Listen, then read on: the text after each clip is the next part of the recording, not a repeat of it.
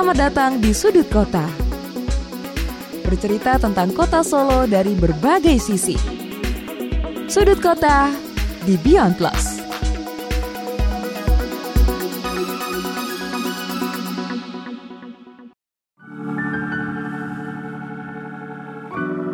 Halo hai, saya Senja Kurnia, tuan rumah dari Sudut Kota. Teman-teman, kita sudah masuk di episode ke-6 untuk podcast Sudut Kota di Beyond Plus. Di mana untuk kali ini kita akan membahas sesuatu yang berbeda. Sudah banyak hal ya yang kita bahas di Sudut Kota berkenaan dengan Kota Solo. 5 episode berikut uh, sebelumnya itu sudah membahas banyak hal nih dari mulai gimana sih bagi para pendatang hidup di Solo, terus juga ada anggapan Solo adalah kota yang murah biaya hidupnya dan lain sebagainya. Nah, ini karena tayangnya menuju akhir tahun, biasanya juga banyak yang sudah mulai merencanakan untuk liburan. Nah, mungkin ada nih dari teman-teman yang kerabat atau saudara jauh akan main ke Solo gitu ya. Tapi kadang tuh setuju nggak sih kita tuh kalau ada teman atau ada saudara jauh yang ke Solo itu agak bingung untuk ngajak main ke mana. Karena kan Solo lebih terkenal sebagai kulinernya ya kalau terkait dengan uh, yang membuat para pendatang atau pelancong ini tuh suka main ke Solo. Kalau jalan-jalan agak susah mungkin di luar Solo gitu jadinya ke Karanganyar atau mungkin ke daerah-daerah lain yang ada di Solo Raya tapi bukan di dalam kota Solonya. Nah padahal ada juga loh spot-spot menarik yang belum banyak diketahui. Kita akan bahas wisata anti mainstream di episode ke-6 untuk sudut kota dan siapakah yang akan menjadi narasumber pada episode kali ini ini sebenarnya sudah tidak asing ya untuk pendengar Solo Post FM karena beliau ini adalah alumni Solo Post FM. Dulu masuk ke Solo Post itu bareng sama saya, tapi dia sudah caw duluan. Ada Mas Rahmat Hidayat dan kami terhubung via Zoom meeting ya karena Mas Rahmat ini ada di Kudus sana, tapi beliau kan suka jalan-jalan, jadi jelas ya tahu banget kira-kira ada wisata anti mainstream apa aja yang di, di Solo. Halo Mas Rahmat. Halo, selamat siang Senja. Oke, apa gimana? Baik, baik-baik saja. Gimana kalau di Kudus kabarnya? Ya, alhamdulillah semuanya baik dan semakin membaik saja ya untuk Kudus sendiri. Oke, gimana nih? Udah bisa adaptasi belum setelah pindah ke Kudus? Ya masih adaptasi dengan berbagai kuliner dan juga spot-spot menarik pastinya yang ada di Kudus ya. Jadi kalau kita berbincang seperti ini kayak kita siaran kopi pagi ya sebetulnya. Oh iya benar ya. benar benar. Ini kayak lagi tandem gitu ya. Oke, okay. nah ini nih ngomong-ngomong yeah. tentang wisata anti mainstream karena kan dulu Mas Rahmat ini juga uh, aktif ya di komunitas jalan-jalan yang ada di Solo. Tapi kayaknya hmm. karena pandemi jadi sempat berhenti juga nih ya Mas Rahmat ya. Betul, jadi karena pandemi beberapa apa jadwal beberapa, beberapa schedule itu memang sengaja di cancel terlebih dahulu ya karena kita melihat kondisi supaya membaik lagi baru nanti bisa kita up lagi seperti itu. Oke. Okay. Jadi ya sekarang masih online ya virtual apa namanya jalan-jalannya pakai virtual dulu karena memang kondisi yang ya kita maklumi seperti ini ya. Oke. Okay. Nah, ini harapannya kan kalau sekarang sudah mulai terkendali untuk pandemi sendiri, harapannya tahun depan kan sudah lebih membaik. Jadi udah bisa lah ya kita untuk jalan-jalan lagi gitu. Nah ini untuk persiapan nih untuk teman-teman hmm. yang mau main ke Solo dan kira-kira yeah. main ke mana ya yang belum banyak diketahui orang. Kalau kita tahu kan biasanya keraton ya, ya. terus juga ke Mangkunegaran, Mangkunegaran ke pasar Benteng Boston, pasar, pasar Gede, Pasar Klewer. Padahal yang nggak kelihatan dalam tanda kutip itu masih banyak sosok yang menarik, bukan nggak kelihatan banyak dalam banget. hal horor loh ya. Coba deh, Mas Ramati bisa ceritain deh. Kalau dulu ketika masih ada di Laku Lampa atau Solo Society itu biasanya tuh jalan-jalannya tuh ke mana aja? Oke, jadi kalau kita ngomong-ngomong jalan di jalan-jalan di Solo tentunya banyak sekali ya selain keraton, Mangkunegaran, Pasar Gede, Pasar Klewer ya. Karena sebetulnya uh, Solo itu banyak hidden spot yang sangat menarik begitu dengan beragam history, story dan juga uh, tradisi. Jadi ada tiga elemen penting yang uh, bisa kita lihat dari uh, Solo itu sendiri. Jadi history, sejarah, kemudian story cerita itu sendiri dan juga tradisi karena kita sangat kental dengan tradisi yang ada ya. Nah kalau dulu pengalaman saya sama beberapa uh, grup jalan-jalan termasuk komunitas sejarah yang ada di Solo itu banyak sekali yang diulik mulai dari uh, dalam pangeran gitu sampai kita menjelajah dolan bareng itu sampai keluar Solo gitu tidak hanya Solo. Karena kita ketika kita bicara Solo itu tidak hanya bicara uh, di kota Solo saja. Karena ada satu dua tiga empat daerah di sekitar Solo atau kalau kita sebut kabupaten di sekitar Solo itu juga ada relasinya ada korelasinya dengan Solo itu sendiri begitu juga dengan sejarahnya gitu kan nah dulu waktu di uh, komunitas Laku Lampah dan kebetulan karena untuk saat ini teman-teman Laku Lampah baru off ya dulu sempat kita membahas mulai dari kampung-kampung tersembunyi yang ada di Solo, termasuk kampung-kampung tersembunyi yang ada di kawasan Keraton, Baluarti, Surakarta itu. Kemudian kita juga sampai ke beberapa sentral batik yang ada di Matese, kemudian kita sampai ke candi-candi yang tersembunyi di daerah Karanganyar dan lain sebagainya. Nah, eh, di Laku Lampah kemudian di Solo Society juga sama. Jadi Solo Society Laku Lampah itu adalah satu organisasi yang concern ke masalah uh, sejarah, kemudian budaya dan tradisi ya. Uh, untuk kegiatannya hampir sama, jadi kita bisa jelajah, kemudian kita ceritakan sisi-sisi menarik yang akan kita kunjungi, kemudian kita hadirkan uh, satu apa ya semacam wisata yang tidak hanya rekreatif tapi juga edukatif gitu. Tidak hanya wisata yang menyenangkan, tapi juga ada nilai-nilai uh, apa ya istilahnya belajar lah ya di situ ya. Jadi kita tahu paham sejarahnya dari nol sampai benar-benar ada yang ada di kota Solo begitu sejarah. Oke, jadi memang hmm.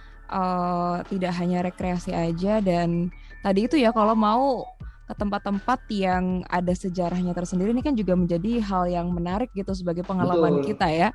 Yeah. Nah, ini nih spot-spot menarik yang sudah pernah didatangi gitu Mas Rapat nih. Kalau di Solo tuh ada di mana aja sih? Oke, wah ini kalau bicara spot-spot yang menarik, hidden spotnya pun banyak sekali ya. Satu jam hmm. kayaknya nggak cukup nih Oke, okay, jadi ini mungkin diambil beberapa okay. aja kali ya.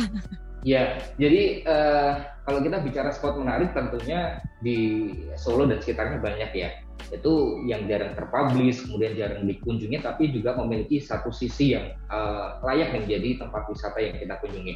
Yang uh, dulu pernah kita kunjungi bersama Laku Lampah dulu waktu itu kita ke sempat ke sentral pembuatan karak tapi di Gadingan di sebelah timur uh, sorry Sungai Bengawan Solo mm-hmm. atau di Kecamatan Mojolaban. Jadi ketika itu kita mengunjungi ke sentral karak itu tapi melewati menyeberangi Sungai Bengawan Solo pakai jeta dan ini menjadi satu benar-benar satu pengalaman yang menarik karena uh, tidak pernah dilakukan oleh uh, paket wisata apa pun ya karena di situ kita bisa uh, tahu dan merasakan sensasi bagaimana menyeberangi sungai pakai getek, kemudian pakai sepeda, kemudian kita bisa tahu bagaimana pengrajin karak itu membuat karaknya, menggorengnya dan sebagainya. Kemudian kalau kita bicara di Solo sendiri, kita tahu bahwa di Kauman, di Lawayan sebagai sentral batik itu juga ada sisi uh, spot yang menarik. Di antaranya kalau uh, mungkin sudah pernah atau sudah banyak dipublish ya mengenai Bang Terlawayan. Jadi hmm. di Laweyan itu ada satu bunker tersembunyi di bawah uh, istilahnya satu meja begitu di mana bunker tersebut uh, dulunya dulunya itu ceritanya digunakan untuk menyimpan motif-motif batik supaya aman dari kompetitor gitu. Ada juga yang mengatakan bunker itu digunakan untuk menyimpan perhiasan. Jadi kalau misalkan nanti kita ke Laweyan, nanti kita bisa mengunjungi satu spot menarik ke bunker Laweyan, di mana bunker itu juga ya sekitar 2 meter lah ya kita bisa memasuki ke dalamnya dan melihat seperti apa dalam bunkernya gitu. Kemudian kita bisa uh, uh, wisata begitu kita pernah juga mengunjungi sentral pembuatan jamu di Kampung Baluarti. Jadi kalau misalkan mau uh, wisata kuliner minuman sedikit yang berbeda, kita bisa ke Kampung Baluarti. Kita bisa melihat proses pembuatan jamu asem, jamu kencur, kemudian kunir asam dan lain sebagainya begitu dan ini ya menarik sekali kalau misalkan kita bicara uh, apa hidden spotnya wisata di kota Solo gitu saja. Oke, jadi itu tadi baru hmm. dua ya, pembuatan karak dan juga pembuatan jamu. Nah, ini tuh yang jadi pertanyaan juga, karena kan kalau ada yang bilang ya kalau laku lampa kan udah komunitas gitu, jadi mungkin bisa bisa-bisa aja tuh untuk menelusuri-menelusuri ke tempat-tempat yang tersembunyi tadi. Nah, kalau misalnya yeah. orang umum gitu, misalnya kita tiba-tiba kedatangan uh, temen gitu ya dari luar kota datang ke Solo dan mau ke tempat-tempat tadi tuh kira-kira bisa atau harus bikin janji dulu atau gimana nih? Oke, okay, kalau uh, di beberapa lokasi memang sudah open ya, artinya mereka sudah welcome dijadikan sebagai uh, tempat wisata atau desa wisata kita istilahkan seperti itu. Dan itu untuk umum, tanpa perlu janjian, tanpa perlu kita uh, hubungi dulu, biasanya sudah ready begitu.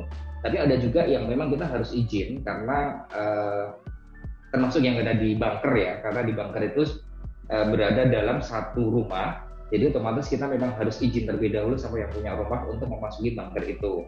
Kecuali kalau misalkan kita ke wisata-wisata kuliner kayak yang tadi di Gantingan, kita pembuatan karak, pembuatan jamu biasanya on the spot langsung bisa gitu. Kita bisa melihat langsung uh, bagaimana pembuatan jamu dan juga pembuatan karak itu tadi.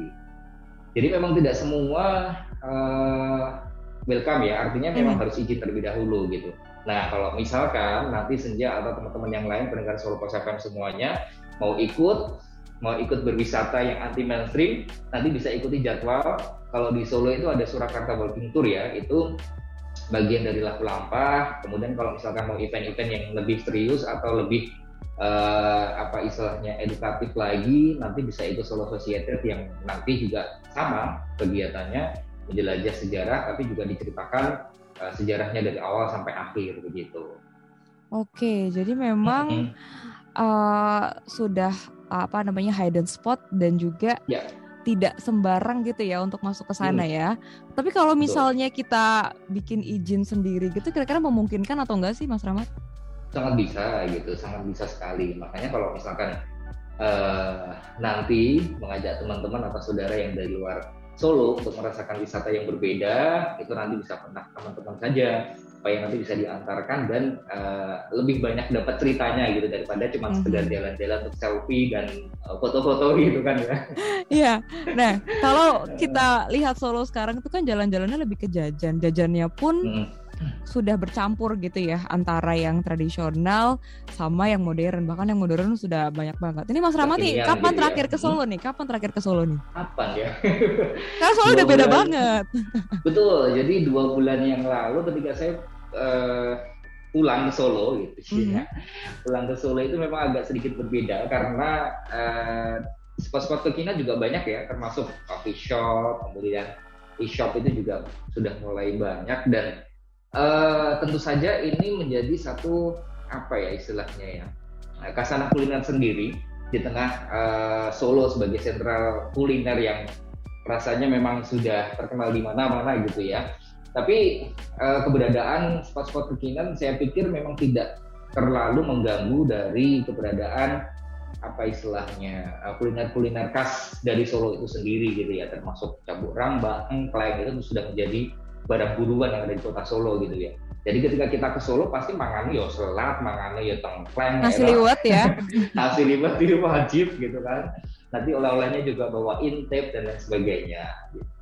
Oke, jadi memang apa ya lebih ke memperluas aja sih pilihan kalau ada Betul. yang datang ke kota Solo gitu. Nah, tadi kan kalau kita bahas spot-spot yang menarik tadi sebagian hmm. besar juga termasuk ke wisata sejarah gitu ya, di mana yeah. kadang tuh ada yang menganggap karena memang wisata sejarah, kemudian tempatnya tersembunyi, sakral. Hmm. Uh, ada yang takut nih kira-kira nanti apa ya hal-hal yang dilarang untuk dilakukan di sana gitu? Apa sih hal-hal yang harus kita jaga gitu supaya ya tetap aman saja gitu ketika berwisata sejarah ke tempat-tempat yang tersembunyi tadi? Hmm. Oke, okay, jadi uh, satu hal yang perlu kita ingat bahwa ketika wisata di mana pun saja itu etika memang harus dikedepankan ya, baik itu di tempat umum maupun di tempat yang lebih sakral, misalkan masjid, pura, kemudian tempat-tempat ibadah yang lain, karena memang di Solo sendiri itu banyak spot uh, tempat-tempat ibadah yang bernilai sejarah termasuk uh, gereja Santo Antonius, gereja yang ada di Gladak, kemudian masjid masjid-masjid kuno peninggalan zaman dulu itu memang benar-benar sebagai selain sebagai tempat ibadah juga memiliki nilai sakralitas tersendiri. Nah itu etika yang perlu dijaga. Mengapa? Uh, biasanya kalau kita mau keliling, kalau kita mau jalan gitu kita uh, sampaikan dulu ke peserta nih. Uh, misalkan nanti tata caranya seperti ini, etikanya seperti ini, kemudian aturannya seperti ini, tidak boleh sembarang foto di mana saja gitu kan. Kemudian kalau misalkan masuk masjid, masuk uh, tempat uh, gereja bersejarah itu memang harus sopan santun dikedepankan dan sebagainya itu yang perlu diperhatikan ketika kita mau berwisata ke sejarah terutama tempat-tempat yang sedikit sakral gitu kan. Oke, nah ini berarti ini ya, karena kan kalau kita lihat sekarang tuh jalan-jalan kalau nggak hmm. konten tuh kayak ada yang kurang gitu. Padahal hmm. tadi tuh harus tahu etika juga. kalau yang kira-kira uh, biasanya nggak boleh untuk ngambil gambar tuh di tempat-tempat yang seperti apa, Mas?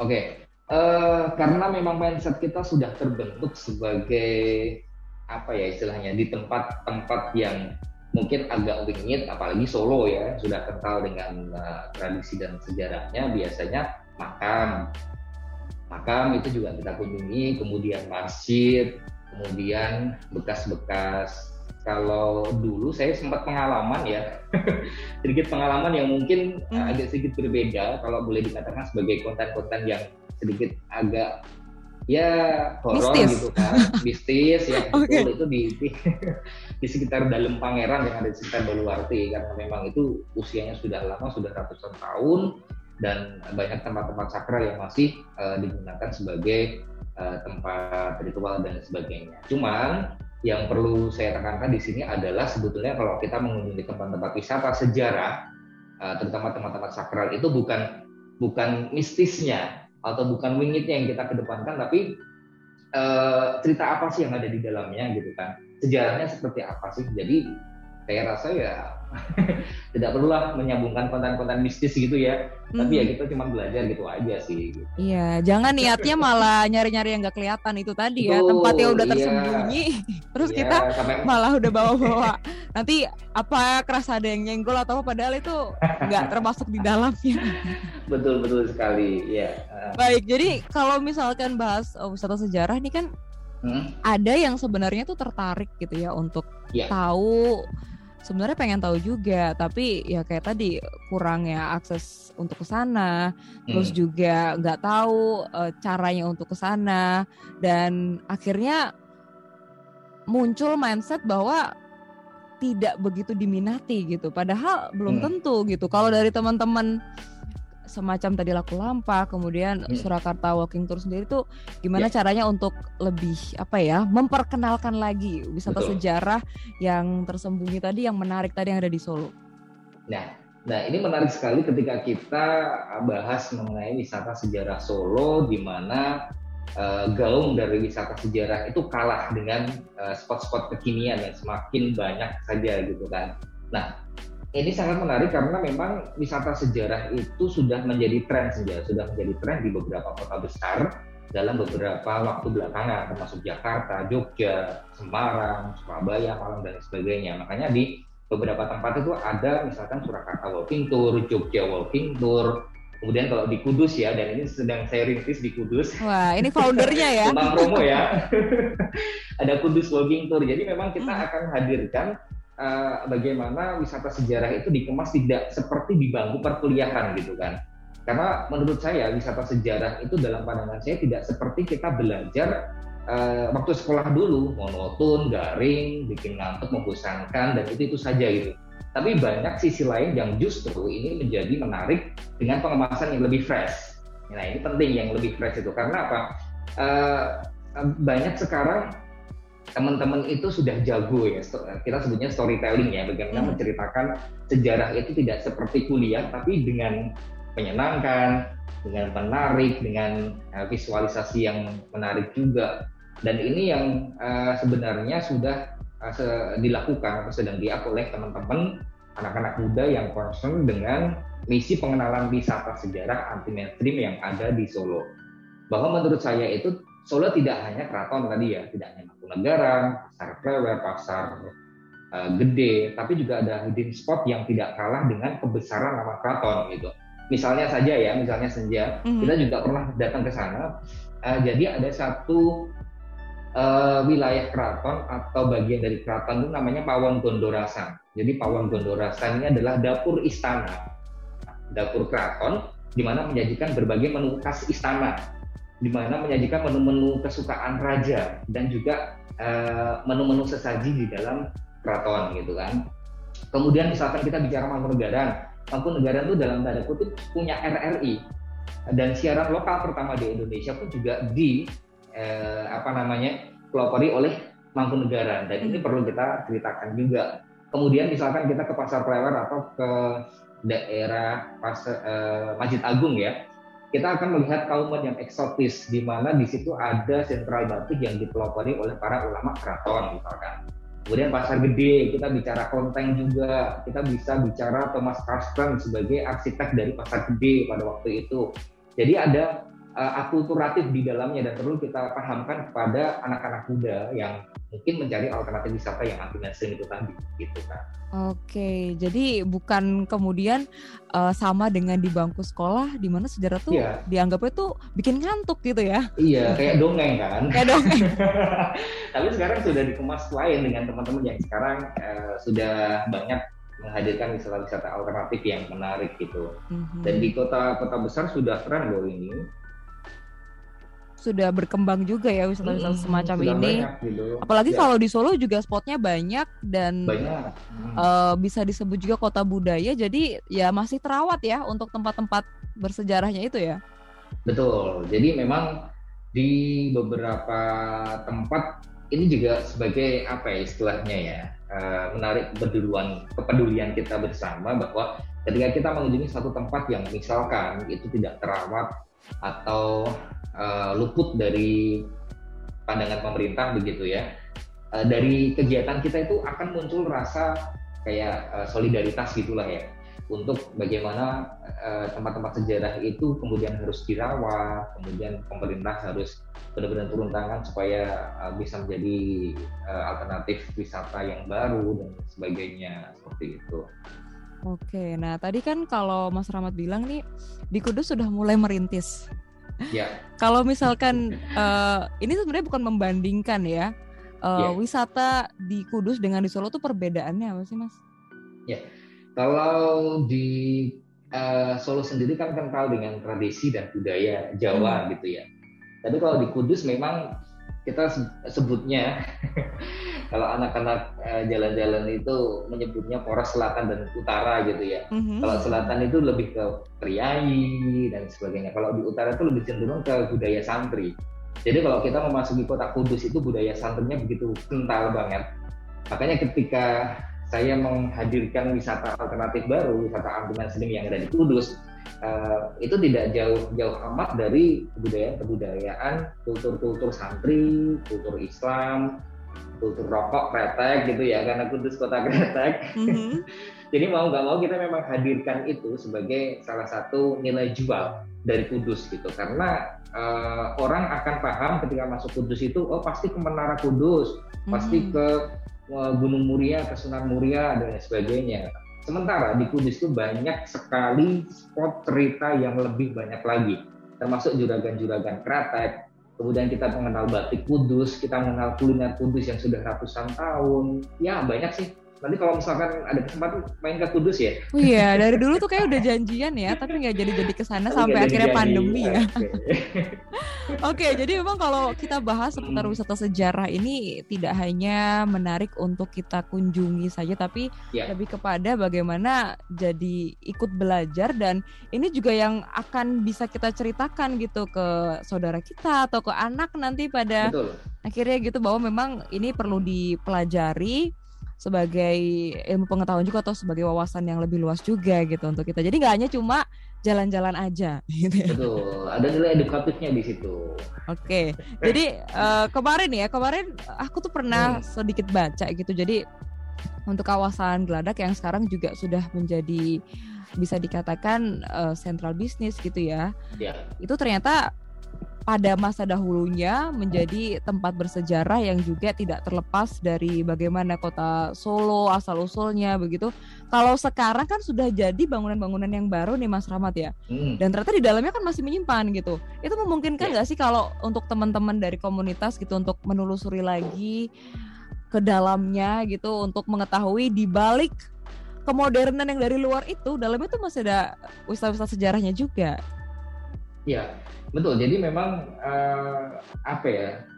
Uh, dalam beberapa kegiatan yang dilakukan sama teman-teman itu pasti akan uh, menceritakan uh, ini apa namanya sejarah-sejarah lama gitu. Meskipun di kawasan itu sudah berubah menjadi benteng atau sudah berubah menjadi bangunan-bangunan tinggi dengan beton yang kuat begitu kan istilahnya. Tapi kita bisa ceritakan dari uh, berbagai literatur yang ada bahwa dulunya itu uh, apa namanya tempat uh, digunakan untuk apa menggeladak atau istilahnya apa ya menarik hewan buruan raja kemudian disembeli dan dibagikan kepada para abdi dalam dan rakyat kayak gitu. Karena memang ada satu dua situs yang masih ada dan itu wajib kita ceritakan karena itu bagian dari uh, perjalanan yang akan uh, kita lakukan gitu di spot itu. Biasanya kan memang ada tema tema tersendiri ya, mm. akan di daerah uh, Benteng Pasterberg atau Kota Lama Solo, kemudian ada di Pasar Gede, ada di Keraton, di Kauman dan sebagainya. Dan ini uh, bagian dari teman-teman sejarah yang uh, apa istilahnya menggali informasi melalui literatur yang lebih valid gitu. Kita ceritakan juga kok seperti itu.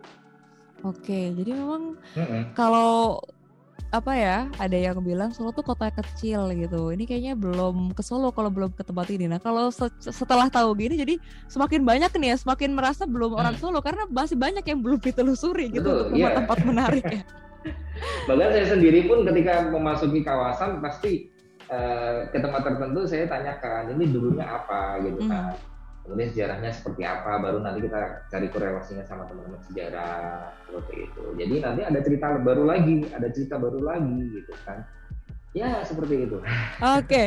nah ini ngomongin tentang sejarah ternyata kita sudah 20 menit lebih ya. Kayaknya emang sejam tuh nggak cukup nih kalau ngomongin tentang jalan-jalan ataupun sejarah yang ada di Solo dan kalau kita bahas lebih general lagi tentang wisata sejarah yang sebenarnya itu menarik hmm. dan menjadi uh, wisata anti mainstream gitu kayak kalau sekarang kan kita nih kalau ke tempat wisata nggak boleh yang berkerumun ya terus hmm. juga uh, pasti kita kan kalau mau apa ya kalau sekarang istilahnya zaman sekarang tuh healing gitu ya healing untuk ya. refreshing yeah. gitu ke tempat yang hmm. ramai nanti kan jadi nggak jadi healing gitu kan terlalu ramai nah ini juga bisa menjadi salah satu alternatif berarti ya Mas Ramat ya untuk Betul. kita menelusuri kalau tadi disampaikan ada uh, sentra pembuatan jamu terus karak hmm. itu apakah yeah. bisa langsung kita datangi ke sana atau gimana nih untuk biasanya kan kayak gitu malah lebih untuk liputan gitu ya, bukan hmm. untuk jalan-jalan aja gitu. Kalau pengalamannya Mas Rahmat ini gimana? Bisa ya? Bisa, bisa, bisa. Jadi kalau misalkan nanti uh, mau ke Sentral Karak, Sentral Jamu itu bisa langsung datang datang ke lokasinya. Uh, dan uh, yang pasti kalau misalkan uh, di tengah kondisi seperti ini ya, di tengah kondisi seperti ini berkerumun pun juga belum uh, diperbolehkan secara bebas, itu bisa private tour jadi hmm. uh, lebih privat bersama keluarga atau sendiri itu pun juga lebih menarik gitu kan. Jadi ya lebih lebih lebih banyak alternatifnya sih ya. Oke, jadi bisa belajar bikin karak juga ya di sana ya? Bisa. nah ini yang penasaran nih.